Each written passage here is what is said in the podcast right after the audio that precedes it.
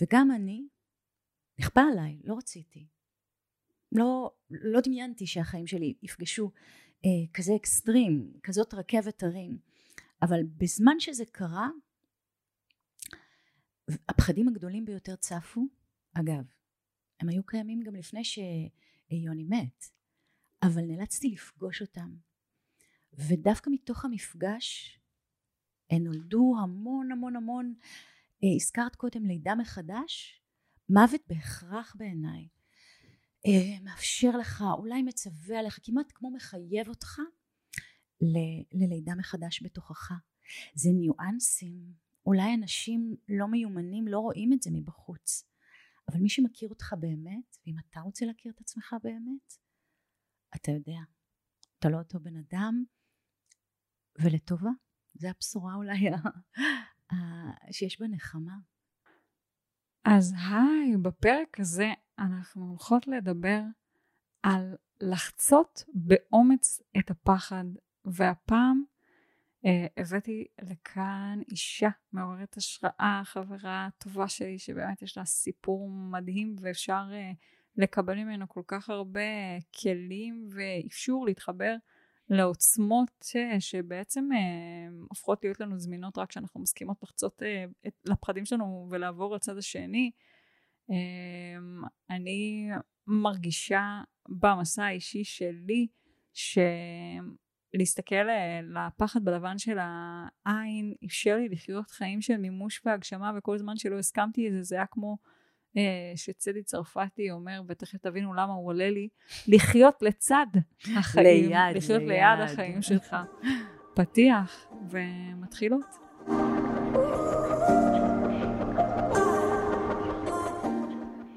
ברוכות הבאות לפודקאסט מאישה לאישה מעבירות את חוכמת השבט.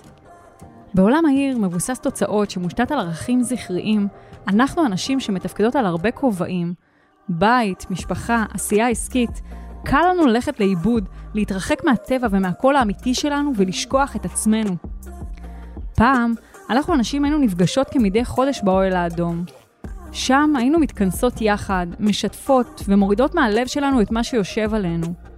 שם היינו גם חולקות ידע ותובנות אחת עם השנייה, ונזכרות בעצמנו. החוכמה הזאת עברה מאישה לאישה, מסבתא לנכדה, מאימא לבת, עד ש... עם השנים, העולם התפתח וחוכמת השבט העתיקה הלכה ונעלמה. והיום, החוכמה והתובנות האלה כבר לא זמינות לנו. הבקשה שלי באמצעות הפודקאסט הזה היא להחזיר עטרה ליושנה, לאחד את השבט הנשי, לאפשר לכל אישה ואישה להיתמך על ידי חוכמת השבט ולקבל את הרפואה, התובנות וההשראה מהשבט הנשי שלה. אני מיטל פרייברג לוסטיג, מומחית לתת מודע, מרצה, אומנית יוצרת תכשיטי עוצמה, אימא, אשת איש ומנחת הפודקאסט מאישה לאישה.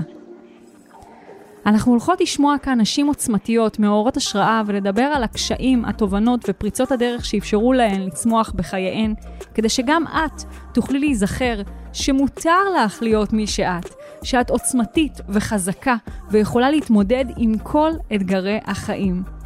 מאישה לאישה. יאללה, מתחילות.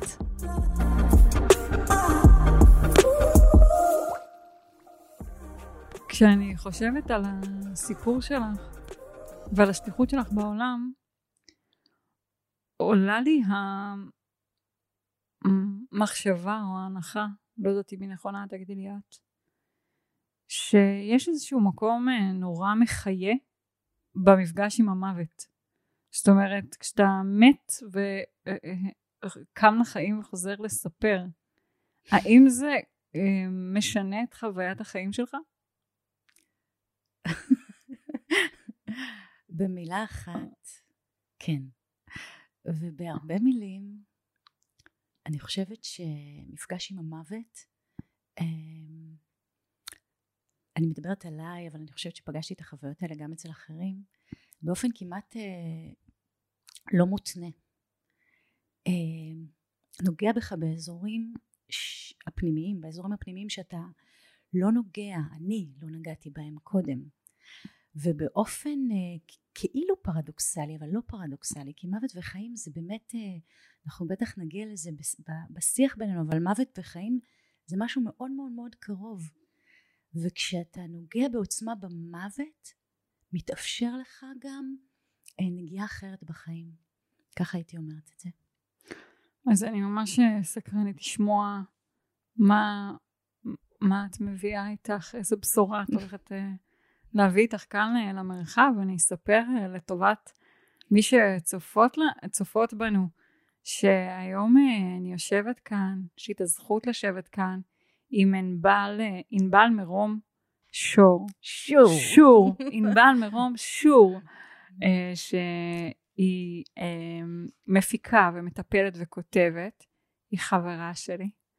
והיא אישה מאוד עוצמתית ומעוררת השראה. ושיתפתי אותה קודם, לפני שעלינו לשידור הזה, שאני לא יודעת למה הנושא הזה שאנחנו יכולות לגעת בו, נזקק לכם אותו בסוף הפרק, אבל הנושא הזה שאנחנו יכולות לגעת בו, הוא אה, מקושר אצלי ליום כיפור, ואני לא יודעת למה מוות, חיים, לידה מחדש, זאת אומרת יש איזשהו מקום מבחינתי אה, בנגיעה בנושא הזה של המוות, בלדבר עליו, בלגעת בו, שזה נושא שבדרך כלל אנחנו לא נוגעים בו ולא מדברים עליו, יש משהו שהוא אה, כמו מעביר דרך השער הזה של, אה, של הפחד ממנו. זאת אומרת, יש איזה מקום כזה שאתה חי תמיד במקום אולי נורא מפוחד או נורא נשמר או אני, אני חושבת, זה חשוב להישמר אבל אני חושבת נשמר אובר כן? מקום אה, שאתה מצמצם את עצמך אה, את מצמצמת את עצמך ומקום שבעצם יש איזושהי אה, שלום שאפשר לעשות עם החוויה הזאת של המוות שיכולה לאפשר לנו חוויית חיים יותר ויבט, כאילו יותר חיונית, יותר חייתית, יותר להגשים את הפוטנציאל או לממש את המתנה הזאת שקיבלנו להיות נשמה שמתגלמת בגוף, כי הנשמה היא הרי נצחית, החיים אחרי שהגוף הזה יסיים את תפקידו, אחלה מדהים, אבל הנשמה ממשיכה לחיות, ו, אה, ועם זאת באמת יש איזשהו מקום כזה נורא נורא פגיע. למה זה מקושר אצלי ליום כיפור? למה מה מקושר אצלי לכיפור? וואו, מיטל, את אמרת כל כך הרבה דברים. כן. הרמת לי לכל כך הרבה כיוונים, הראש שלי מסתעף עכשיו להמון אה, אה, המון מקומות מהדברים שאמרת. אבל נתחיל עם יום כיפור, כי ככה...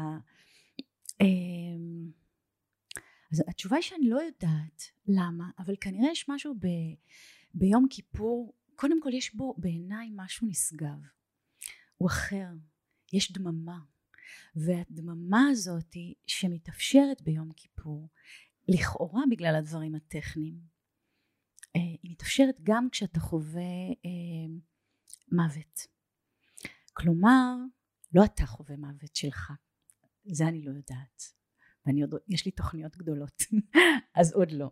אבל מוות של מישהו אחר, אה, יש, יש, בה, יש בה מפגש איתו הרבה דממה. אה, אנחנו אולי לא מספרים לעצמנו את הסיפור שזו דממה, כי יש המון כאב והמון בהלה אה, וקושי אדיר לנו ולסובבים אותנו להיפגש עם מוות של מישהו קרוב, אבל יש פה, הייתי אומרת, אפשרות לדממה, בדיוק כמו ביום כיפור. וביום כיפור יש אפשרות לדממה שמאפשרת מפגש עם הפנימיות שלך, מכיוון אחר. למי אה, שכמובן בוחר לעבור את יום כיפור ככה. וגם המוות מאפשר מפגש עם עצמך אה, בשקט, בשקט. את יודעת, אם את היית מחזירה אותי לדממות האלה, כן? זמן עם עצמי. Uh, בחיים הישנים שלי שלפני העבודה התודעתית, אני לא הייתי מסוגלת להיות עם עצמי. להיות עם עצמי לרגע היה מעלה לי כל כך הרבה shadows, כל כך הרבה פטפטת uh, של המוח, אני קוראת לזה סשנים של טפו טפו טפו, uh, מציף פחדים. אבל תראי מה זה. כי כך או כך, הדברים שפחדת מהם, את יודעת היום כמובן, הם קיימים בך. כלומר, הם לא המצאה. יש לך חלקים שאת לא רוצה לפגוש אותם, ופחד מכסה על משהו הרבה יותר בסיסי, שלא יודעת למה, אתה מסרב להגיד את זה לעצמך הרבה פעמים. אמ, בסוף את יודעת, בתוך הנתיבי הטענה שלנו, שאנחנו רוצים להיות אהובים. אני כאילו אומרת משהו שלא קשור אולי לאובדן, אבל, אבל אני חושבת שהוא בסוף יהיה קשור. אנחנו מפחדים מחוסר אהבה שלנו לעצמנו, של הסביבה עלינו. אנחנו הם מתקשים לשאת חוסר ביטחון, אנחנו מתקשים לשאת חוסר ודאות, מתקשים לשאת שייכות, אנחנו מפחדים מכל דבר שצבוע או עטוף בחוויות האלה, אבל בסוף הם שם. וההדממה הזאת, אם אני מחזירה לשאלה על יום כיפור, אה, היא מאפשרת מפגש יותר נקי, ולפעמים הוא מתאפשר רק כשיש משבר.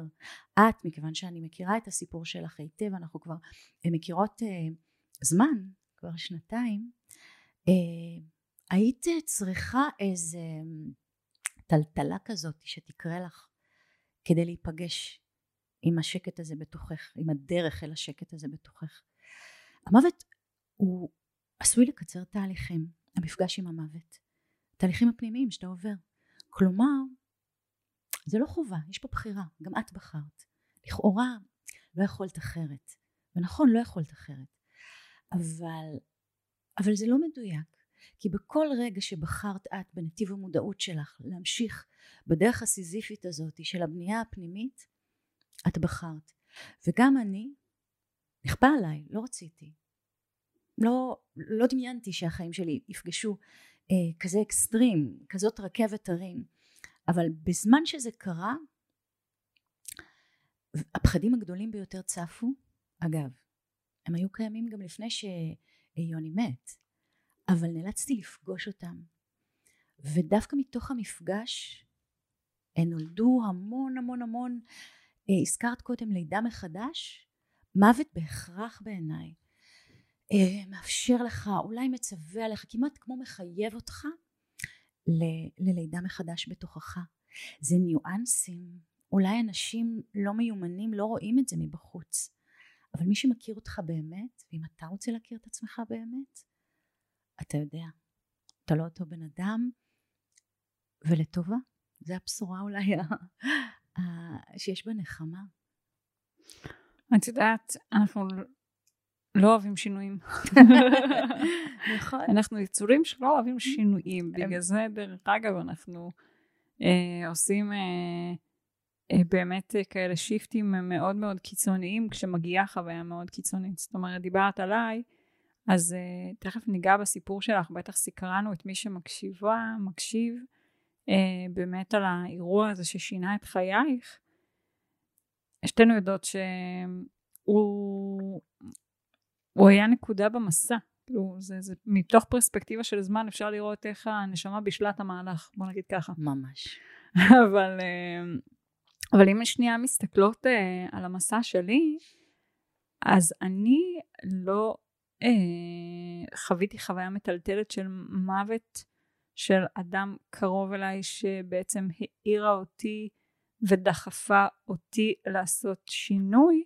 באיזשהו מקום אני חוויתי מוות של, uh, של זהות בתוכי, של איזושהי דמות בתוכי שנשאה לי את מסע החיים אה, בצורה שהיא אה, הייתה מאוד מאוד מעיקה ואחרי שהיא נתקעה בקיר כל כך הרבה פעמים אז בעצם היה, הייתה את הכניעה אה, שהובילה למוות שממנו בעצם נולדתי מחדש, נוצרתי מחדש, נבראתי מחדש, בראתי את עצמי מחדש אבל זה באמת דברים של, אה, את, את הלטובה אנחנו יכולות להגיד בפרספקטיבה של זמן, כי גם מוות של זהות, מוות של דמות, אה, הוא כרוך או מביא איתו מוות של חלומות, פרידה מאנשים קרובים שפעם היו משענת והיום כבר לא מספקים את הדבר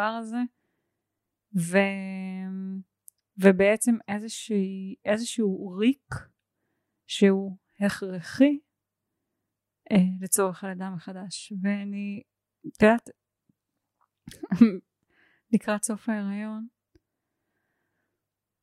ויש בתוכי איזשהו אה, מקום אה, שנורא אה, קמה ללדת. בזמן חמודי בזמן אל תדאג בזמן ביתו, בזמן ביתו. כן כשאתה תהיה מוכן אמא מחכה בסבלנות אבל אני באופן כללי לא יצור סבלני כל כך גם הילדים שלי אני לא יודעת איך קטן לי פה אבל אה, גם אורי כזה יש אה, אני אומרת לו לפעמים אה, אורי סבלנות הוא אומר או כזה, ואז הוא אומר לי כזה, אין, אין סבלנות, או אין רגע, אני לא בדיוק זוכרת את המשפט הזה, שכזה, מי אמר לך את זה? אז הוא אומר לי, את. אני כזה, נשמע גני. זה לא סבלנות, זה משהו דומה. כן, אבל בקטע שכאילו, חכה רגע, וזה כזה, לא, אין רגע. מי אמר לך, מי לימד אותך את זה? את. אבל את יודעת, אני רוצה רגע, ככה, פתאום לאסוף משהו שאמרת, גם כדי שהוא לא יברח לי. אה, אמרת על המבנה הישן בתוכך. כשנסעתי לפה, נסעתי ככה מתל אביב לאומץ, המקום שאת גרה בו, ואמרתי לעצמי, באמת שאלתי את עצמי את השאלה, למה זה כל כך מפחיד אנשים לפגוש אה, מוות? הלא אנחנו פוגשים אותו ברצף חיינו כל הזמן. בין אם אנחנו עושים עם זה משהו ובין אם אנחנו עדיין נתקעים ככה במקומות שמסרבים אה, להמית את המבנים הישנים בתוכנו. ואני חושבת שהעניין הזה שאמרת לה, והוא מאוד מאוד נכון, על הפחד הזה משינוי, מחוסר ודאות, המוות פשוט מקצין אותו. אבל אני חושבת שהחוויה, אה, כמו שאני עברתי, לא יודעת כמה מרכיבי השונים, כלומר מרכיבי השונים, אבל ה-DNA שלה בוא נאמר, בנוי מפרדות שאנחנו עושים כל הזמן. כל הזמן, גם אם הילד שלך הולך לכיתה א'. חברה שלי טובה אה, הילד שלה הלך השנה לכיתה א', והיא עברה עם זה חוויה מאוד מאוד עמוקה. אז אתה יכול לבוא ולהגיד, מה, מה, מה יש לה? מה קורה? אבל אני נורא הבנתי אותה.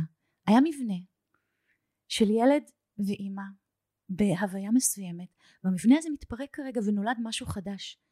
היא מספיק עדינה מול החיים, היא מספיק קשובה מול החיים, כדי לכאוב את זה, כדי אה, להודות שקש, שקשה לה לעבור ממבנה למבנה, מה טבעי מזה? עכשיו, אה, אז, אז לזה אנחנו מתייחסים באיזה אהלן אהלן, מדוע את בוכה מיטל? אבל. תביאי יד מעבר למיקרופון. אני מתחברת לזה. כן. מאוד. כן. כן, כי זה, כי זה ממש ככה. כי משברינו הקטנים כגדולים הם בסוף התפרקות של מבנה. בסוף אנחנו כל כך נצמדים למבנים בתוכנו, מה אני חושב על עצמי, מה אני צריך להיות, איך הזוגיות שלי, איך הגירושים שלי, איך הפרדות שלי. וואו, הלוואי והיינו, הלוואי והייתי, כן, אין לי תשובות. אני, אני רק אומרת, אנחנו נדרשים לאיזה עדינות וגמישות מול הדבר הזה, ואנחנו לא תמיד זוכרים. ו... והמוות הוא כל כך חד, את יודעת, בתוך המבנים של האנרגיות שאנחנו נמצאים בהם, המבנים האלה, שאנחנו לא רואים אותם, אבל הם תדרים סביבנו, בתוכנו, אז אני חושבת שהזוויות הכי חדות זה מוות uh, של אדם. את יודעת, אתמול ראיתי את uh, תוכנית חשיפה עם חיים אתגר. די, נו. זה די נדיר שאני צופה בכאלה תכנים, מפתיעה, אבל אוקיי. הפרומו ממש משך אותי. אוקיי. זה עבודתה של הטלוויזיה. עושים עבודה טובה. אז uh, היה שם סיפור של uh, הם הציגו את זה כחטיפה, אבל כאילו זוג הורים שהתגרשו. והיא, יש לה משפחה במקסיקו, והיא לקחה את הילדות למקסיקו, והוא רצה אותם בישראל. ומה ש... ו... והיה איזה ממש כאילו אירוע דרמטי. חטיפה? זה רטוריקה שאפשר להשתמש בה, אבל כאילו כשאת רואה את הכתבה את מבינה ש... זה שרשרת של אי הבנות ובעיקר באמת היצמדות לאיזשהו מבנה נורא נורא נוקשה כי כשאת מקשיבה לתוצאה הלכה למעשה בסופו של דבר הילדות נשארו שם אה, עם אימא שלהם והוא חזר לארץ והוא לא ראה אותם כבר תקופה מאוד ארוכה. והסיבה שהוא לא רואה אותם תקופה כבר מאוד ארוכה כי הוא היה מוכן להסכים לכל התנאים שלה והיא גם הייתה מוכנה להסכים לכל התנאים שלו אבל היה רק תנאי אחד שהוא לא היה מוכן להסכים לו שזה הבנות שיישארו שם. זאת אומרת הוא מוכן להסכים לכל התנאים רק שיחזרו לישראל. ו, ומה הלכה למעשה הייתה התוצאה? ההיצמדות למבנה הנוקשה הזה של רק אני מוכן אנחנו, לעשות אנחנו הכל אנחנו בטלפתיה כי אמרתי וואי אז צריך לדבר על היצמדות. אז תקשיבי ההיצמדות למבנה הנוקשה הזה גרמה לו לאבד את הקשר עם הילדות, כי גם האימא, את שומעת בצד השני אומרת, אין לי בעיה שהם יבואו כל קיץ, וגם הילדות אומרות, וואי, אני, אני, אנחנו היינו רוצות, אה, למה הדברים לא יכולים להיות כמו שהם היו עד עכשיו? למה אי אפשר חלק מהזמן לבלות בארץ וחלק מהזמן לבלות שמה? וההלכה למעשה, האמירה הזאת של אני הייתי מוכן לכל התנאים שלה, ובתנאי שהילדות יחזרו לישראל. זאת אומרת, הוא לא היה מוכן לדבר איתה, ועל זה לא היה מה לדבר. וכתוצאה מזה, המחירים, אין לו שום קשר עם הילדות, לבן שלו אין שום קשר לא עם אמא שלו ולא עם הילדות, כי הן לא חושפות את המקום שבו הן נמצאות. שיכל היה להיות קשר, וגם הילדות בצד השני אומרות, היינו שמחות לבוא ולחזור. האימא אומרת, הייתי שמחה שהם יבואו ויחזרו, הייתי שמחה שהיה להם קשר עם האבא, אבל ההיצמדות למבנה הנוקשה הזה, ואת מסתכלת מהצד ואת אומרת, כמה מקומות בחיים שלנו, אנחנו נצמדים לאיזושהי תבנית מסוימת, ובעצם מונעים מעצמנו מציאות שיכלה להיות מיטיבה. זאת אומרת, מה עדיף לך, אחי? שלא, בואי לא, נתחיל שלא יהיה לך קשר בכלל? בוא, שנייה אחורה, צעד אחורה. האם אנחנו רואים שאנחנו נצמדים? קודם כל, הגילוי הזה, שנקודת המבט שלך למקום שאתה נמצא בו, במבנה הזמני, כי הכל זמני והכל מתחלף כל הזמן, בטח בתקופה הזאת שוואו, בשנתיים האחרונות באמת הכל כל כך אה, דינמי. אבל רגע, עצירה, העצירה הזאתי, לראות שאני נצמד למשהו. אז איך אני אראה את זה אם אני לא עוצר? אם אני לא עוצר ומוות זה עצירה. זה, הוא חווה, האבא הזה חווה סוג של מוות מסוג אחר ואני מניחה שהוא סובל מאוד, אני לא יודעת אם ראיינו אותו כי אני לא רואה חשיפה, אבל... ראיינו אותו, סיפור קורע לב, באמת, זה אין, קור... שם, אין שם אף אחד שיוצא, גם הילדות קורות, גם האימא, כאילו, כולם. זה סיפור טר... טרגי מאוד. תראי את השרשרת, וכולה קשורה לחוויית החיים היסודית של לידה ומוות. דרך אגב, אם את מסתכלת על הכתבה הזאת, והנה שנייה רק תראי משהו, מסתכלת על הכתבה הזאת, את יכולה להבין טוב מאוד מה יצר את הקרע. ומה שיצר את הקרע זה חוסר אמון. אם היה שם אמון, זאת אומרת, אם משהו באמון שלהם נשבר, בגלל זה הם התגרשו. כן. ואם היה אמון, אז לא היה בעיה שהילדות ייסעו ויחזרו, ו... זאת אומרת, לא היה צריך לחתום על ניירת, כל מה שהן עושות, אם היה אמון. זאת אומרת, אני נצמד לאמון שלי, אני נצמד אליו, אני נצמד אליו, כי חס וחלילה, שיערערו לי ואני אחווה אה, עוד פעם את הדבר המטלטל הזה שהיא לקחה ונעלמה, או לא יודעת מה אני מבינה מתוך הסיפור שלך. וזה בדיוק אותו דבר בשרשרת הזאתי, אה, שבה אנחנו נצמדים, אוחזים אה, עם מוות בתוכנו. וכשמוות אמיתי מתרחש, שאת יודעת, אנחנו מדברות על זה בשיא הטבעיות, אולי יש אנשים שצופים ואומרים, מה זה השטויות האלה, נשמה וגוף. אז אני, אני עושה רגע עצירה כדי להגיד משהו שעבורי הוא, הוא אמת. כלומר הקיום שלנו פה הוא קיום ברובד הפיזי, ברובד המציאותי. אני יודעת היום, ידעתי באיזה חוש אבל לא התעמקתי בזה, אבל אחרי מה שחוויתי אני יודעת היום שיחידות הזמן של החיים הן אינסופיות. והנשמה, הדבר הזה שבתוך, אני אדבר עלייך, בתוך הגוף היפה הזה שיש בו עכשיו גם חיים חדשים, ברור לנו שזה לא כל מה שיש, מה שאנחנו רואים, שיש חלקים שמוסתרים. אה, ואני חושבת שבתוך החלקים המוסתרים של הנשמה הגבוהה שלנו, אז הרובד פה שהוא קשה, ההתחככות עם, ההתחככות עם החיים היא לא תמיד פשוטה. תראי את הסתם, את יודעת, אמרת החשיפה הזאת כנראה, את, ה, את הסיפור הזה, אז כנראה לא אמרת אותו סתם, זה חתיכת התחככות עם החיים. ממש. זה שיבוש איום ונורא. אבל מה אין לנו, באיזה, איזה מיומנות לא מלמדים אותנו? גמישות. גמישות, עצירה, גמישות, התבוננות, הבנה באמת מה קורה עכשיו, והבנה של קבלה של מה שיש עכשיו. קבלה, שזה דבר משחרר מאוד, שמאפשר בתוך כל כאב אני חושבת, לא רק כאב ממוות, גם ממיטות קטנות אחרות של פרדות אה, מילדים אה, שהולכים לכיתה א' לצבא, שמתחתנים, אה, גירושים, פרדות, עזיבת עבודה, כל דבר שתחשבי, כל חוויה קטנה כגדולה, עמוסה רגשית ופחות עמוסה רגשית, היא דורשת את, ה, את השלבים האלה. ולנו כיצורים אנושיים שרוצים תמיד שהתמונה תהיה ברורה ולא יזיזו לנו את הגבינה, אז קשה לנו להכיל שכרגע משהו בחיים שלנו משתנה. אני אגיד שכל אחד מהדברים האלה שאת מנית כרגע מכוונים אותי באמת לאיזשהו אובדן זהות שאנחנו חווים כתוצאה מזה שמשהו בחיים שלנו זז. ואני גם רוצה לסיים את הנקודה אה, שהתחלתי בה בלהגיד שבעצם אני מאוד מאוד רוצה כבר שהתמונה החדשה תתבהר לי וזה המקור לחוסר סבלנות אבל באמת uh, מקבלת uh, כשיקוף או כתזכורת כל הזמן מהבריאה uh, את ה... קודם כל הבנה שדברים צריכים לקרות בקצב שלהם בתהליכיות אבל מעבר לזה שבעצם כדי שמשהו חדש יוכל להיכנס הישן צריך uh, לצאת. זאת אומרת אולי זה הקשר ליום כיפור של הסיפור שאנחנו מדברות עליו עכשיו של לידה מחדש ומוות אה, שמשהו חדש ייכנס, משהו צריך למות. אה, ועוד דבר שאמרת והוא מאוד מאוד אה, ככה גדל לי כשאת מדברת זה התהליכיות. אנחנו כנראה נולדנו ככה, שאנחנו רוצים לראות מיד מה קורה, מה הולך, איפה אני עומד עכשיו. ואין לנו את האורך רוח הזה, לא מלמדים אותנו, או שככה בני אדם מכוותים, אני לא יודעת.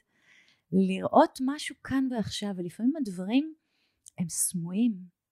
כלומר, אתה יכול להרגיש משהו שמתחולל בך ולא לדעת מהו, ולחוות הרבה מאוד קושי, כמו ההיריון, הוא קשה, נכון? לא קל, לא קל לסחוב את הבטן הזאת, לא קל להרגיש את התחושות הפיזיות האלה.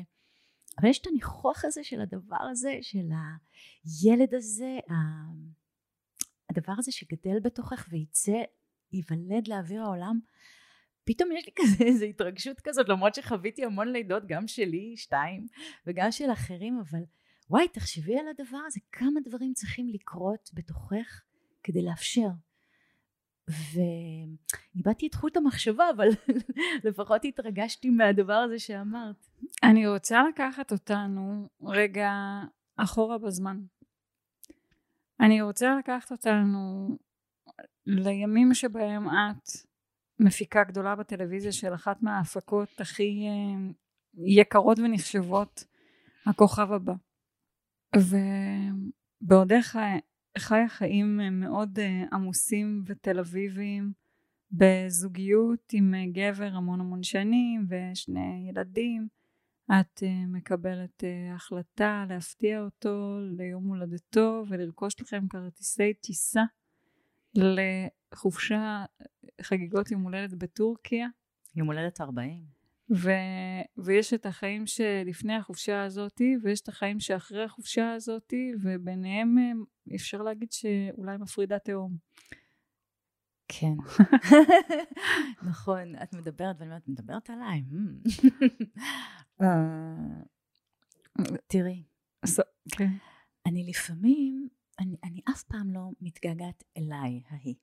זה לא.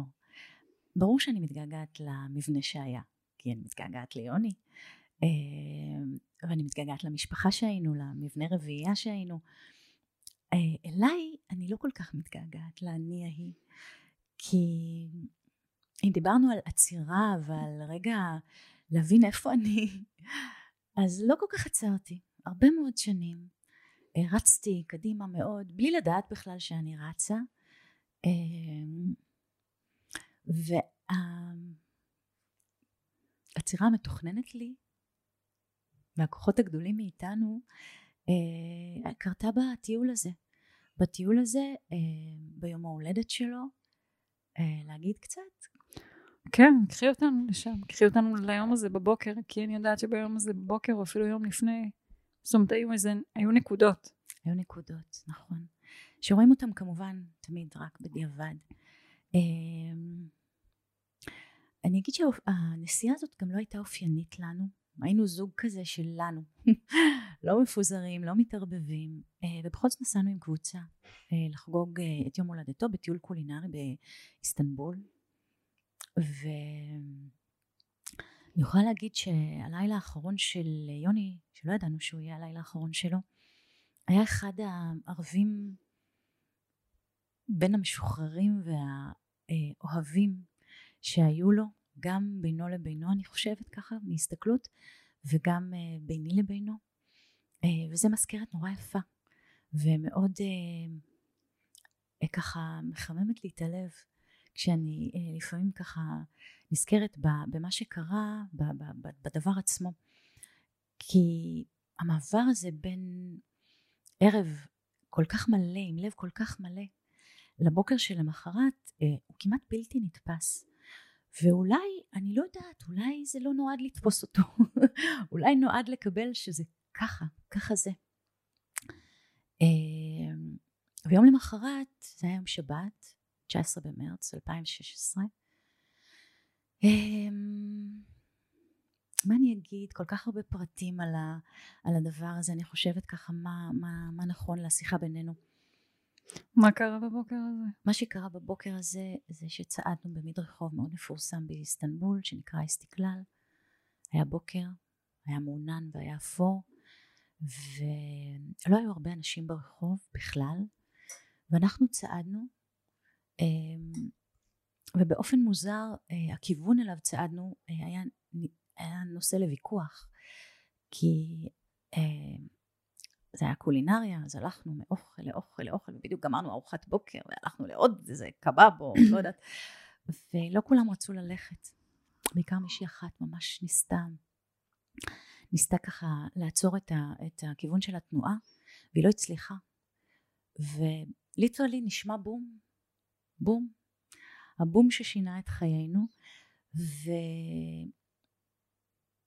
את יודעת, כשמציאות החיים, הקרקע היציבה, שאתה מכיר ורגיל אליה, נלקחת ממך, אז יש, אני חושבת מעבר לבהלה, יש אה, חוסר הבנה.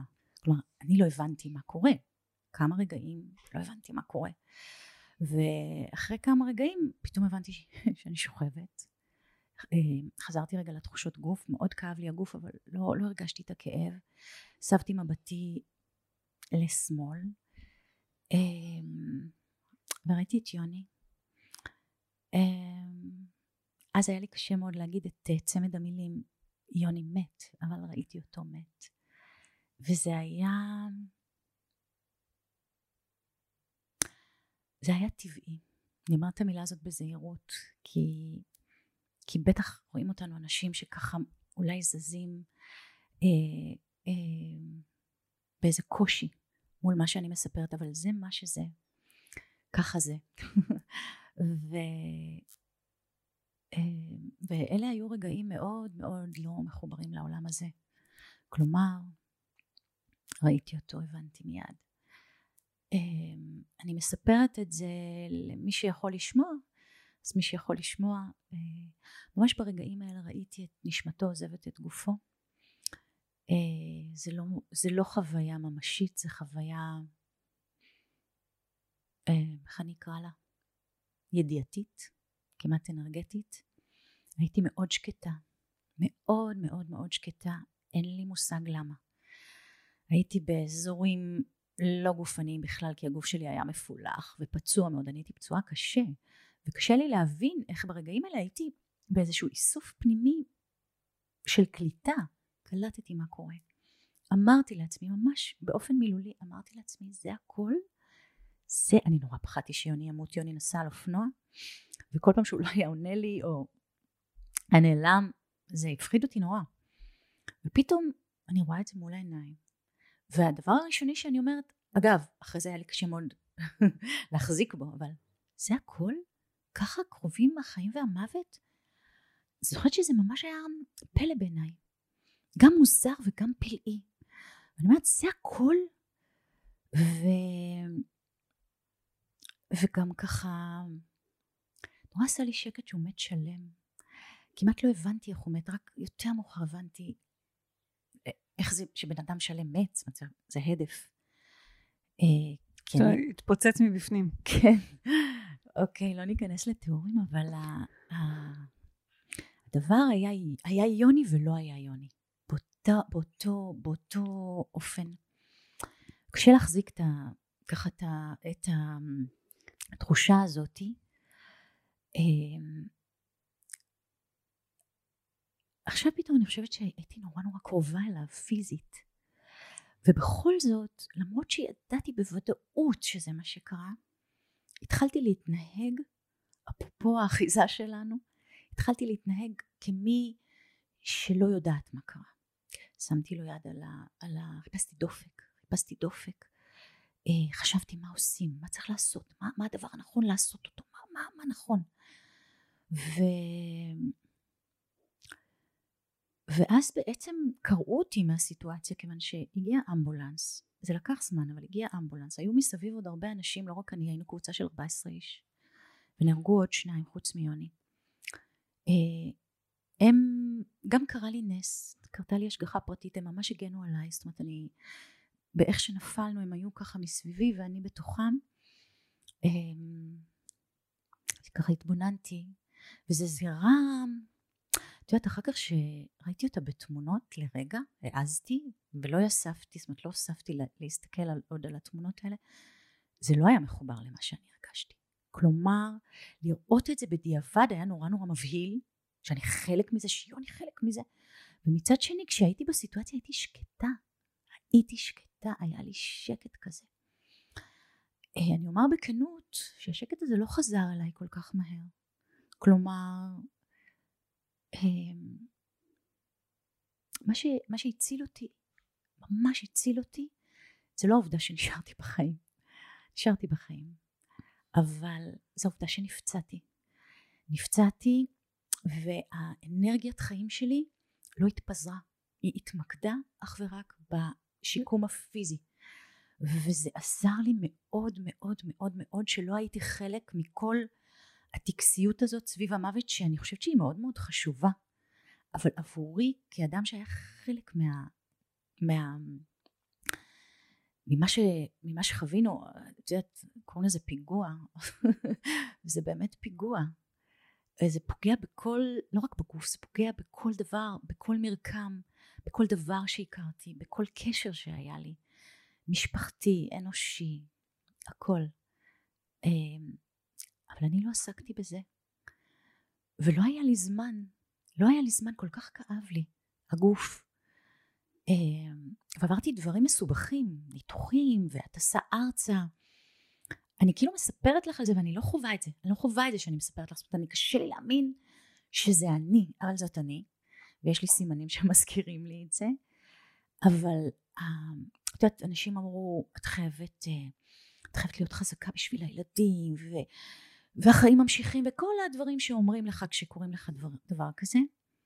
אני הייתי ככה. לא, לא, לא שמעתי מה אומרים לי. רק התרכזתי בגוף שלי וכן התרכזתי וזה גם הציל אותי אה, לספר את הסיפור שקרה לנו שוב ושוב והייתי במצב פיזי לא טוב אבל כל מי שנכנס לחדר וזה זה, זה, זה, זה לא היה אינטואיטיבי זאת אומרת פסיכולוגית שהיא, הזכרת כוכב, כוכב הבא, אז אה, איריס רייטס שעבדתי איתה, ב, הייתה פסיכולוגית של המתמודדים בכוכב, אה, קראתי לה ממש, היה לי ממש אינטואיציה כזאת חזקה לקרוא לה, אמרתי לה איריס מה עושים? מה עושים שכל הרישום של מה שקרה שם יזרום מתוכי ולא ייתקע לי, שלא לא, לא, לא, לא תישאר לי הפוסט אה, טראומה בגוף, בנפש, בחלקים, בכל החלקים שלי. אמר לי, דברי על זה כל הזמן. כל הזמן תדברי על זה. זה, זה מה שאת צריכה לעשות. וכך עשיתי שבועות. וואו. תגידי, באיזה אופן האירוע הזה שינה אותך? וואו.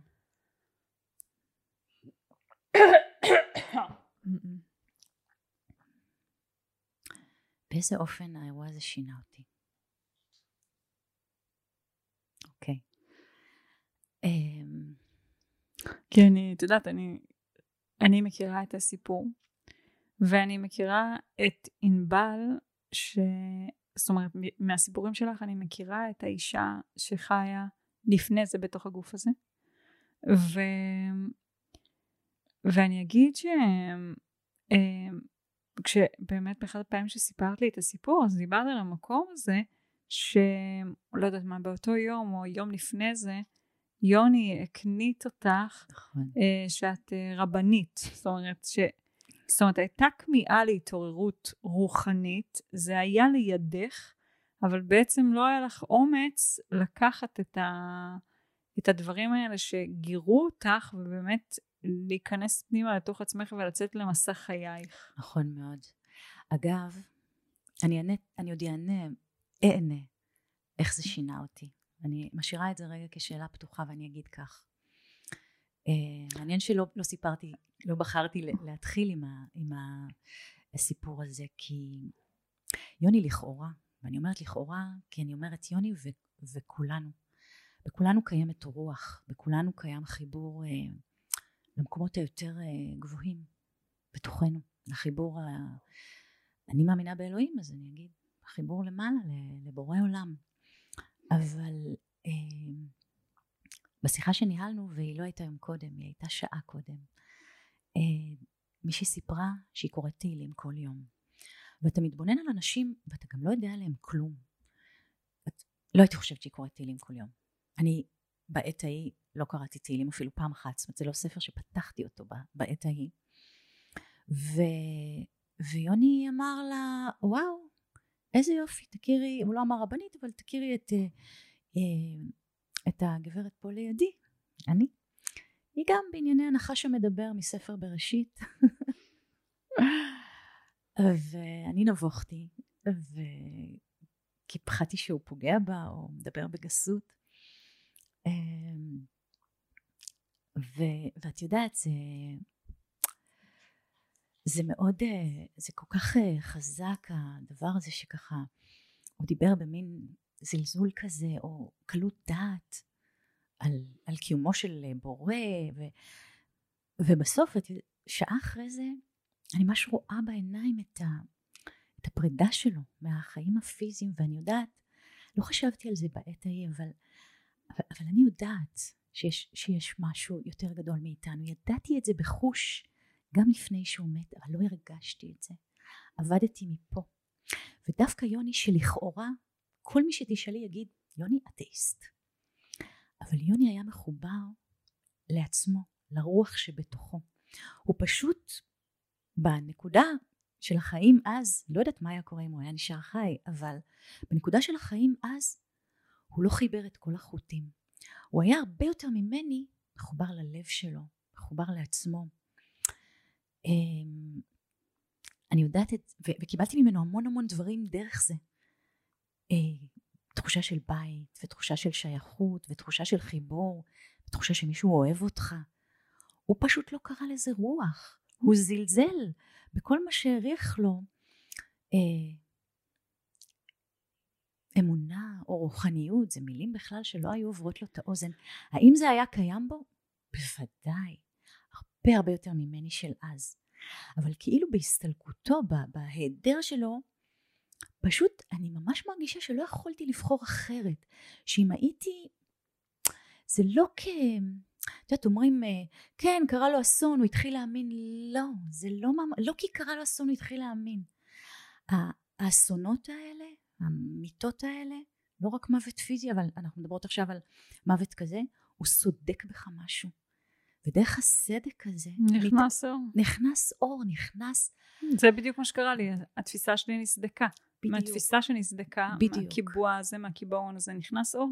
ממש. הבנתי או גיליתי שמשהו שידעתי על עצמי או על העולם מהרגע שאני חיה הוא בעצם לא אמת מוחלטת. ועצם זה שנוכחתי לזה שהוא לא אמת מוחלטת אפשר להרבה אור להיכנס. אפילו תתחיל קצת אור לא צריך כל כך הרבה. אבל את יודעת דיברנו קודם שבחרת וגם אני בחרתי אני, אני בוחרת לחיות כל יום את בחרת לחיות כל יום. לא משנה מאיפה באנו אני בחרתי אחת, לחיות. בחרנו לחיות. והסדק הזה הוא נורא מתעתע הוא tricky הוא ממזר. כי יש, יש מחשבה שאם הוא נפתח לא תוכל לחזור אחור. אני לא בטוחה מיטל, את יודעת? אני לא בטוחה. כלומר, לפעמים החספוס הזה, כי החיים קצת מחוספסים בהתנסויות שלהם, והחספוס הזה לפעמים כדי להגן על עצמך. זה מערך הגנה, זה לא שום דבר אחר. זה נובע מ- מרצון לשמור עליך, על עצמך. אתה סוגר. אתה סוגר את הסדק, ואז אתה משחק מחבואים עם האור הזה, ואני חושבת שאחרי שיוני מת, אני יודעת את זה מפידבקים של אנשים, לא, לא מהרגשה שלי בתוכי. אנשים, אחרי שגמרתי, אה, זאת אומרת גמרתי, זאת אומרת הייתי חודש בבית חולים, זו תקופה, חזרתי הביתה והייתי עוד מאוד פצועה. כיוון שלא הייתי בשבעה ולא הייתי בלוויה, אנשים באו לבקר אותי, ועשינו את זה במינונים. הייתי קצת חלשה, וזה לא היה שבעה כזאת, זה, היו באים כל הזמן. אז יצא שחודשיים ימים קיבלתי אנשים, היו באים, והיו אומרים לי, וואו, את נראית מוארת, שזה דבר אבסורדי להגיד לאישה שחוותה עכשיו כאילו את uh, מכת חייה. Uh, ווואו, באנו uh, כזה, מה שנקרא, באנו לנחם ויצאנו מנוחמים, אני כאילו, אני לא אומרת את זה בלעג, אבל, אבל זה באמת היה ככה, למה? גם כי הייתי בתוך הדממה עוד, והסדק היה פתוח. האם להגיד לך שכשחזרתי לחיי ההרגליים, שגרתיים, היומיומיים, האם הצלחתי להחזיק את הסדק כדי להכניס בו שוב ושוב בתהליך הזה, להכניס בו אור? וואו, ממש לא. אמ, ממש לא, אבל התחושה הזאת של המשהו הפתוח הזה שאתה יכול לזכך אותו בתוכך, זו תחושה כמו על אופניים שאני, שאני יודעת להחזיק אותה. גם אם אני לא נמצאת בה, ואני לא נמצאת בה 24 שעות, שבעה ימים בשבוע, וואו, ממש לא. התנסויות על התנסויות, ו... וחיבור ואי חיבור, את יודעת, בתנועה הטבעית. אני זוכרת אבל את ההרגשה הזאת. אני רוצה לעשות סדר. בבקשה. Uh, אני, אני מרגישה, או עולה לי בזמן שאת מדברת, באמת על המקום הזה של uh, התנועה המחזורית שאנחנו עוברים כל שנה כמדי שנה. וכל שנה כמדי שנה אנחנו נרדמים ואנחנו מתעוררים. ראש השנה זה זמן ש... ובכלל החגים הם שערים רוחניים שמאפשרים כמו מגבר לאור שיורד וזה הסיבה שהם פוטנציאל להארה. זאת אומרת אני יכולה להסתובב uh, כל השנה או חלק מהשנה uh, במקום שבו אני לא שומעת את בקשת הלב שלי כי לא להיות מחובר לרוח ובעצם ללכת שולל ולחיות חיים גשמיים חומריים בלבד אה, מגיע ממקום של אה, או אני לא אגיד מגיע ממקום כמו גורם ל לזה שאני לא חיה את החיים כמו, ש, כמו שההדרכה של הנשמה שלי תגידי כמו רצון הלב שלי כמו כאילו הייתי אומרת מגע מוגבל עם, לא, עם, עם האפשרויות ש, שהחיים האלה יכולים להציע. אני לא חיה בהתאם לשליחות שלי. אני לא מממשת את הייעוד שלשמו הגעתי לעולם הזה. ובין אם אני מאמינה באלוהים, ובין אם אני מאמינה ב- ואני רוחנית, ובין אם אני לא מאמינה באלוהים ואני לא רוחנית ב- בכלל, התחושה הזאת של היעדר המשמעות, נכון. זאת, זה חור כזה, זה בור שאנחנו מרגישות אותו, מרגישים אותו. אנחנו לא יודעים איך לקרוא לו בשם, אבל אנחנו עסוקים בלנסות למלא אותו. בין אם זה בעוד חומר, בעוד כסף, באהבה, במשנה תודעה כאלה ואחרים, באוכל. זאת אומרת, יש איזושהי תחושת אי נוחות כזאת, שאנחנו מנסים למלא אותה בכל מיני דברים, בגלל שאנחנו בעצם אה, שוגים בפרשנות להבין שהמילוי שהיא מבקשת זה בעצם חיבור לאותה תחושת משמעות שהיא נגזרת של חיבור לרוח שלנו, לנשמה שלנו, לאלוהים, כל אחד שיקרא לזה איך שהוא רוצה. אני, אני אגיד לך משהו נורא יפה, ששמעתי מאביתר בנאי, לפני, זה היה באזור פסח. ואביתר הוא איש דתי, נכון?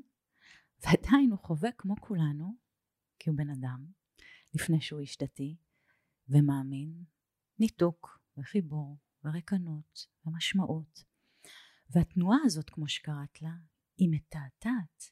אתה לפעמים, תכף אני אגיד מה הוא אמר, אבל אה, אני מקווה שאני מייצגת אותו נאמנה, אה, כשאתה ברגעי הניתוק והחושך והרק, והריקנות, אתה כל כך מפחד, כמו שאתה מפחד ממוות, אתה מפחד לשהות בזה. ומה יכול נורא נורא נורא לעזור לך? לשהות בזה. לראות מה קורה. ואביתר הראה את הגיטרה שלו. אמר, אתם רואים את החלל? הרי יש פה חלל, בתוך הגיטרה יש את החור הזה. אין פה כלום, זה ריק. טאק, את יודעת, הוא עושה כזה זה. אז, ו- ומתוך התיבת תהודה עולה משהו. וזה בדיוק לפרוט על הנשמה הזאת שלנו, על המשהו הפנימי הזה, תקרא לזה איך שאתה רוצה, כדי למלא תיבת התהודה. בגלל זה אהבתי נורא את ה... את הדימוי הזה שהוא נתן, למלא תיבת התעודה הפנימית שלך במשמעות. עכשיו משמעות היא מילה נורא נורא גדולה, אז בואו נתחיל מחיבור. כלומר, למלא את עצמי בעצ... בעצמי. לא מתוך uh, להיות מלא בעצמי, אלא מתוך, uh, את יודעת, הדבר העדין הזה של ההיכרות שלי איתי, של הקבלה שלי אותי, של היכולת שלי להיות בנחת איפה שאני, וזה בסדר לרצות לשנות את הדברים, ולרצות להיטיב עם עצמי, לגמרי. אבל ההתחלה הזאת של לשהות בתוך התיבה הזאת של הגיטרה, בעיניי זה דימוי אדיר. אנחנו מדברות על המחזוריות הזאת והתחלתי uh, בזה שאמרתי שאני לא יודעת למה מוות מקושר אצלי לכיפור אבל אני רואה את הנקודות מתחברות במקום הזה שבאמת דיברנו על החשיבות של הריק כדי כ, uh, כבעצם מקום שהוא הכרחי uh, ללידה מחדש. ואומרים על, על יום אה, כיפור שביום כיפור זה הזמן שבו יורדת הבקשה החדשה של הנשמה שלנו. זאת אומרת יש לנו את הייעוד שלנו הגדול שבאנו לשרת כאן בעולם ו, ולצד זה בכל שנה יורד איזשהו דיוק יורדת איזושהי בקשה חדשה ואני בעצם לא יכולה לשמוע את הבקשה החדשה הזאתי אם אני נאחזת במבנה הקיים, אם אני לא מסכימה להתרוקן, זאת אומרת הימים האלה שאנחנו עוברים בתקופה הזאת שהיא תקופה מאוד לא פשוטה. Uh, מי שמתנגד לשינוי חווה אותו כמשהו שהוא חובט ומטלטל ולהבדיל באמת ככל שאתה יותר עובר מחזורי חיים ובטח שככל שאתה עובר יותר את המחזוריות הזאת בזמן שאתה ער אז אתה כבר יודע אמ, לשייך את החוויות שאתה חווה כחוויות שהן חלק מהפירוק שבעצם נועד אה, אה, לרוקן את חייך ולהכין אותך, להכין אותך לאותה חוויית חיים שבה את פנויה לשמוע את אותו דיוק ואת, אותו, ואת אותה בקשה חדשה של הנשמה. יש פה גם משהו שהוא נורא גם, אה, את יודעת, מאפשר לך לעשות שלום אה, עם הדפוסים האלה של החוסר סבלנות בתוך מקום שמבין אה, אי אפשר להאיץ את הדברים זאת אומרת יש את ה... יש לדברים את הזמן ואת הקצב שלהם ו... והבקשה החדשה תגיע כשהיא תגיע בדיוק כמו שהלידה תגיע כשהיא תגיע התרוקנות תגיע בזמנה ההתמלאות תגיע בזמנה ו... אה, ואם אני רוצה להיטיב עם עצמי אז uh, אני יכולה ללמוד את המחזוריות שלי ואנחנו בתור נשים אז אנחנו נתונות ברזולוציות קטנות יותר לא רק למחזוריות השנתית שעוברת דרך השערים הרוחניים ודרך החגים אלא למחזוריות חודשית קבועה שלא לומר ש... יומיומית נכון וגם למחזוריות יומיומית ותהליכי מוות ולידה שקורים בנו uh, כל, כל יום עם הגאות והשפל ו... את יודעת אבל uh, כשאת uh, נמצאת בחוויית חיים טעונה או קשה קשה לך לזכור את החוקים האלה של הטבע, אלה חוקי טבע. קשה לך לזכור את התנועה הזאת מהתרוקנות להתמלאות, קשה לך לזכור שעכשיו זה מה שיש וברגע הבא זה יהיה אחרת. ואני מחברת את זה רגע לשיח שלנו על, על התמודדות. Um, אז במקרה שלי, כשהתמודדתי עם אובדן, uh, היו לי, הייתה לי תובנה מבלי דעת אה, של קבלה. לקבל שהוא מת, כלומר אה, שככה זה. יש שיר של ישראל אלירז, אני מאוד אוהבת שירה, ויש לו מילה כזאת, כחות, מלשון ככה. אז הכחות הזאת, זהו, זה מה שקרה. את זה הפנמתי נורא נורא נורא מהר, וזה חסך לי את ההתנגדות לקושי. זה חסך לי את הדבר הזה שאני אה, אה, נתקלת בו אה, אצל המון אנשים שעוברים שינויים, ובטח ובטח התמודדות עם מוות, קודם כל אתה מתנגד לזה שזה קרה. וזה קורע את הלב שלך, כי, כי אתה יודע שזה לא יחזור. אתה יודע. וזה דבר שנחסך ממני, לא כי השלמתי עם זה, אלא קיבלתי בהבנה מלאה שזה מה שזה. וזהו. וזה חסך לי קורבנות אדירה מול העניין הזה, זה חסך לי רחמים עצמיים. אני לא אומרת שאני נטולת רחמים עצמיים, אני לפעמים יושבת ומאוד מאוד מרחמת על עצמי, אבל זה, את יודעת מה זה רגעים? כי הכנסתי ממש להוויה שלי, אני גם לא מרחמת על הילדים שלי. הילדים שלי איבדו אבא. זה דבר קשה ממש. כחוויית חיים, הוא קשה ממש, זה קלפים לא כיפים בחיים האלה, אבל אני לא מרחמת עליהם. אני גם יודעת שהם יגדלו להיות אנשים ממש ממש מיוחדים, כי החיים פגשו אותם במקום נורא נורא פגיע, שהם נאלצו אה, לחיות איתו ולהתגבר עליו, ודווקא ילדים מאוד מאוד מלמדים אותך לא להתעסק ב, בלמה. הם היו הראשונים, הם היו קטנים אז יחסית, בלמה זה קרה. כן, הם לא התעסקו בזה. הם כאילו ברגע שהם הבינו שזה, שזה, שהם ראו אותי בעיניים, הם בהתחלה ככה, הם היו נורא נורא מבוהלים, כי הם גם לא ראו אותי. אז אחרי שהם הבינו ש, שזה מה שקרה, הלמה הזה זז הצידה. הם כאילו סטגלנים הילדים האלה, הם כאילו מה שאנחנו כל הזמן צריכים להזכיר לעצמנו. אמ, וזה דבר, אה, את יודעת, זה... זה איזושהי אה, הוויה כזאת שמאפשרת אה, קבלה של הרבה מאוד שקט בהתמודדות, כי ההתמודדות היא אינסופית, כן? אבל אנחנו מדברות פה על, על ככה נסחבנו לשיחה מסוימת, אז הקבלה הזאת היא, יש בה אלמנט מרגיע. אתה פחות אה, מבוהל, פחות מתנגד. אה, זה מאפשר גם איזה, דיברנו על חיבור, זה מאפשר חיבור. מה לדעתך במערכת האמונות שלך אפשר את הקבלה הזאת? וואי. כי את יודעת, נגענו בסיטואציה כשדיברתי על, באמת על המקרה עם חשיפה שמה שיצר את הקרע בין ההורים שיצר מחירים מאוד גדולים בחיים של הרבה אנשים זה חוסר אמון.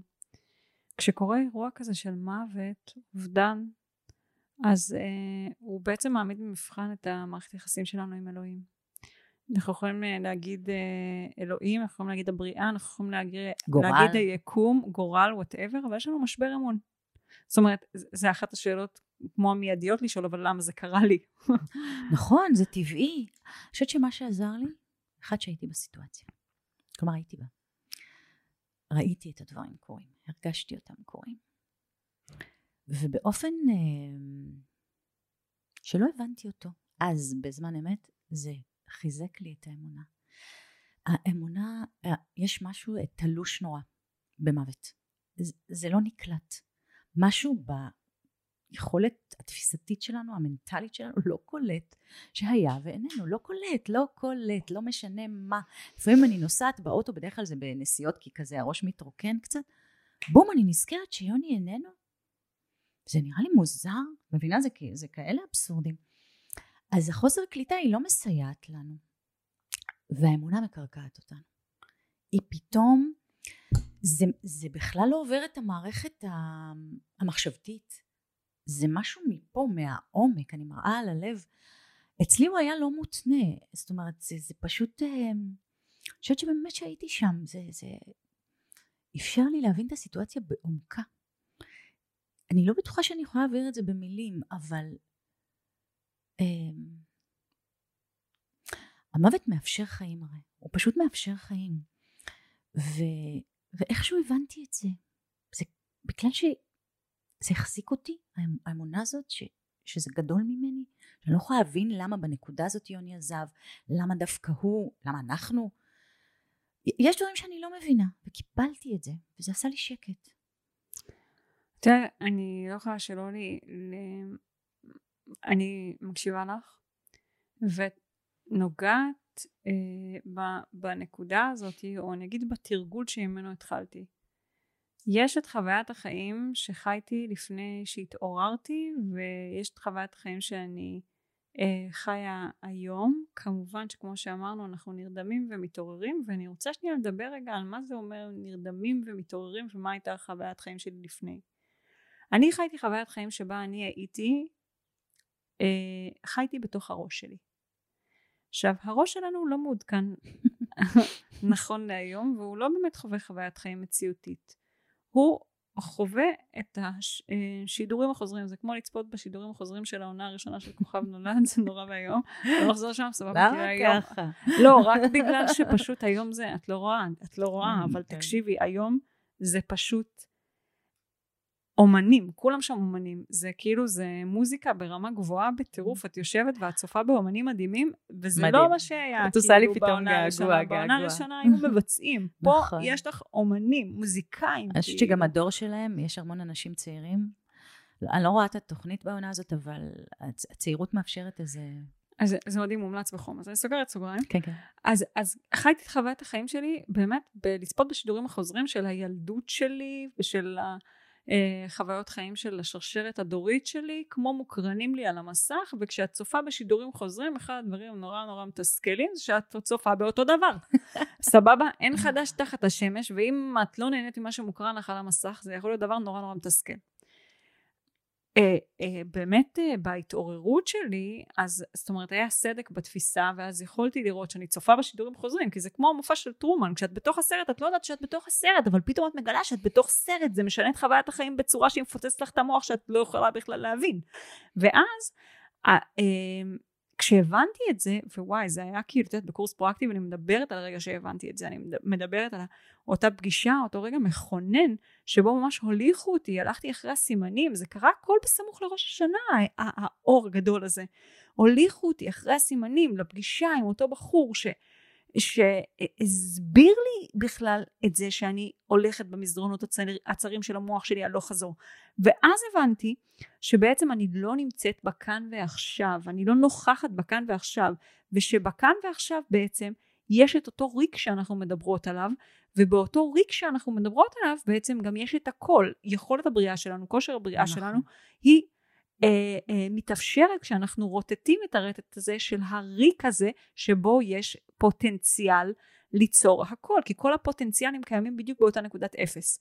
המקום הזה שאת מדברת עליו שבעצם החיבור לגוף הוא מחבר אותנו לנוחות לכאן ועכשיו נכון. במקום החזק ביותר ולכן עצם זה שאת נפצעת ובעצם לא יכולת להיות בתוך הראש שלך כי אם היית בתוך הראש שלך היית בסבל נוראי הדרך לעבור את הדבר הזה כמו גם בדומה נורא ללידה זה בעצם להיות בתוך הדבר ולא בסיפור שאני מספר עליו. אם את מרגישה צירי לידה דרך הראש שלך, שיהיה לך המון בהצלחה. אבל אם את מרגישה את צירי הלידה, זאת אומרת, את לא שופטת את הכאב, מתסרטת על הכאב, את חווה אותו, ודרך זה הגוף נפתח. תעצרי זה... רגע. כן? אמרת מילה מאוד חשובה. כאב. בוא נחבר רגע את הסדק לכאב, אוקיי? הסדק של הנוכחות שכאן ועכשיו, שמתאפשר בנוכחות של כאן ועכשיו, לא, אני אגיד את זה אחרת. הכאן ועכשיו הוא דרך הגוף שלנו, נכון? אמ, זה לא חוסך כאבים, בוא נאמר, אבל זה משהו הרבה יותר אה, מחובר וממשי מלחיות בתוך הראש שלך. עכשיו, מה קורה כשאת אה, פוגשת מוות של מישהו קרוב, ומשהו נסדק בתוכך? נכנס, נכנסות המון הבנות מאוד עמוקות ומצד שני נפתח פתח אני מנסה להיות עדינה אבל המון אופל פנימי לא האופל של, של חלקים אפלים שלא ראו את השמש שלא נתת לעצמך להרגיש אותם לדעת אותם לתקשר איתם המון דברים כאלה שממש לא קשורים למוות עצמו יוצאים מתוכך. הכל נורא נורא מוקצן. עכשיו, מהי הנוכחות? איך, לא עשיתי על זה מחקר, אבל אני חושבת שהדרך היותר, אה,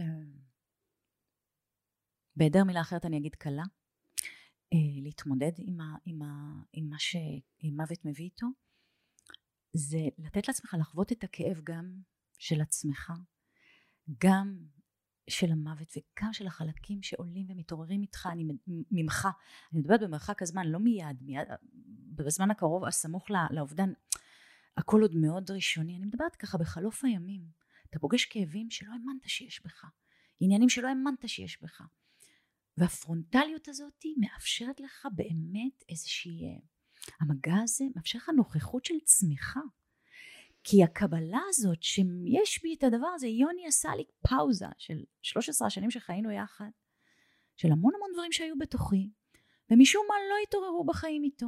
לא היה לי מגע איתם, או היה לי מגע איתם חלקי. כל הדברים האלה התעוררו מאוד מאוד בעוצמה.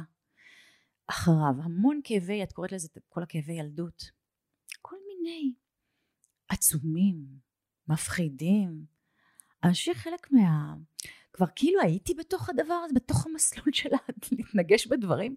התנגשתי גם, אני עדיין מתנגשת, אבל התנגשויות יותר עדינות.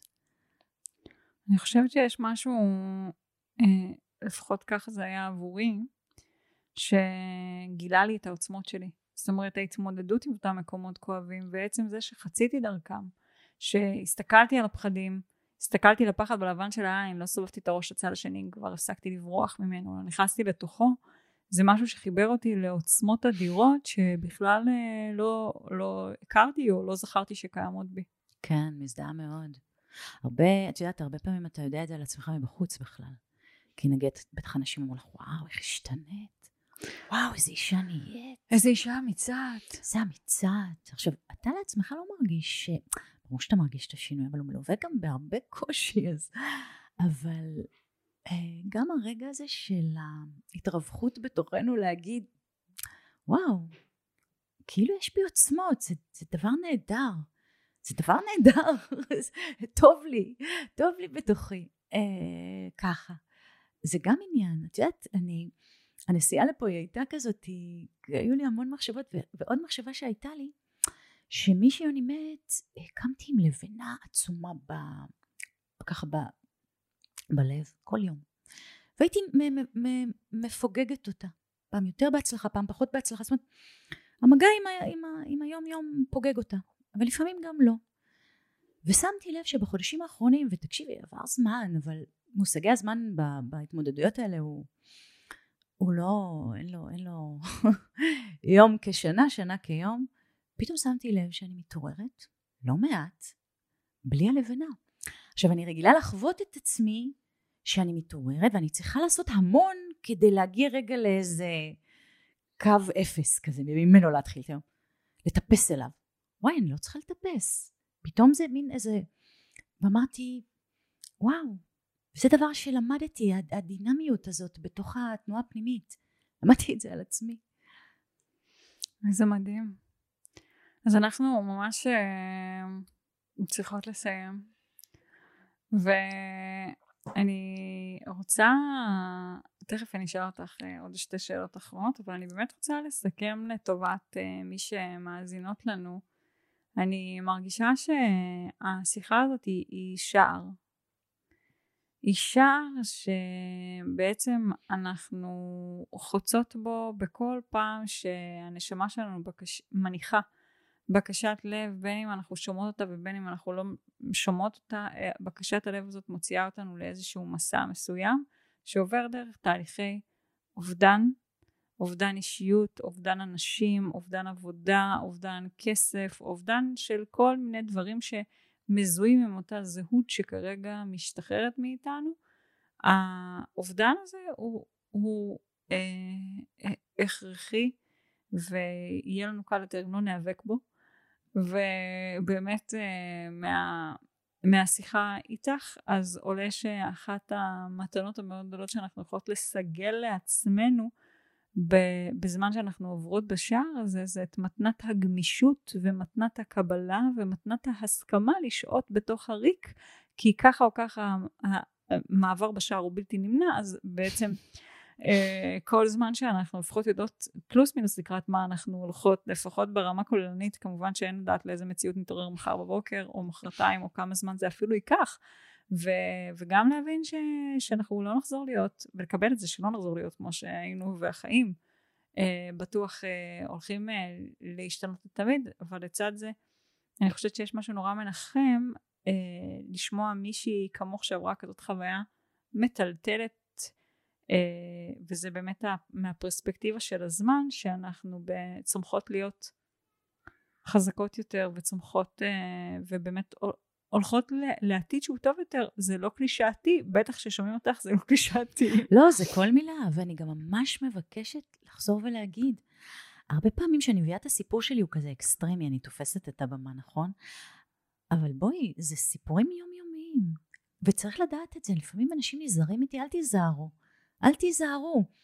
חוויתי אולי בווליום נורא גבוה מה שאנשים, כולל אני, בהתמודדויות היום יום שלי, חוויה יום יום, זה לא שיש לי עכשיו איזה דוקטורט בהתמודדות וכל דבר אני באה ככה טק טק, לא, ממש לא, אני צריכה להזכיר לעצמי בדיוק את הדרך הזאת שאת אומרת, כל הזמן.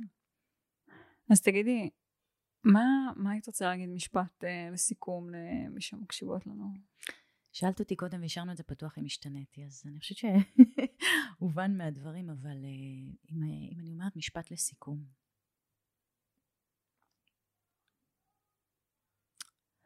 אוקיי. אני חושבת שאחד הדברים הכי חשובים בתוך uh, הצעידה שלנו, בתוך מסע החיים, זה איזושהי עדינות. אנחנו כמעט לא משתמשים במילה הזאת, עדינות. כלומר, אנחנו מורכבים מחוטים כל כך עדינים של כל כך הרבה מרכיבים, וההתבוננות העדינה והחישה העדינה שלהם וה... אה, העדינה בהם מאפשרת, אני חושבת, איזה מלאות גם בריק הכי גדול. ומוות זה ריק גדול מאוד מאוד מאוד. אבל אני יכולה להעיד במרחק השנים ש... שהפריטה הזאת של הגיטרה של אביתר, הצלילים שיוצאים מתוך הריק הזה, אה, שהם התווים החדשים של החיים החדשים שלי,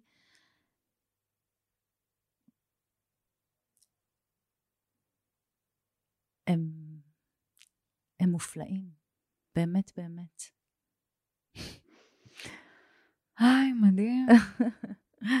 אוקיי, תגידי, אם uh, יש נשים שמקשיבות לנו ורוצות uh, להתחבר איתך, או רוצות לשמוע עוד ממך, או רוצות אפילו להגיע לך לטיפולים, או רוצות לקרוא את מה שאת כותבת, איפה אפשר uh, להשיג עוד ממך? זה, זה פשוט, אני אישה מאוד נגישה. Um, בפייסבוק, ענבל מרום, אפשר, אני מאוד, uh, אני אשמח אם יש מישהי או מישהו ששומע, ששומעת, ויש להם קושי או מחשבות, אני מאוד, uh, זה, זה הנתינה של מחשבות שלי, של uh, ידיעות שלי, של הבנות שלי, היא מאוד מאוד מאוד עוזרת לי. לא אמרנו פה מילה אחת ריפוי. מה שאנחנו עושות פה עכשיו עבורי זה ריפוי.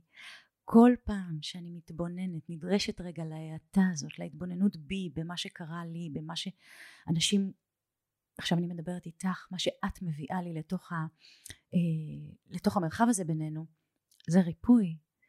אה, והדבר הזה שעשיתי, ממש מבלי משים, מרגע שיוני מת, לדבר על זה עוד פעם ולספר את הסיפור, זה הריפוי שלי, אז אני ממש באהבה ובהזמנה אה, אה, מעומק הלב.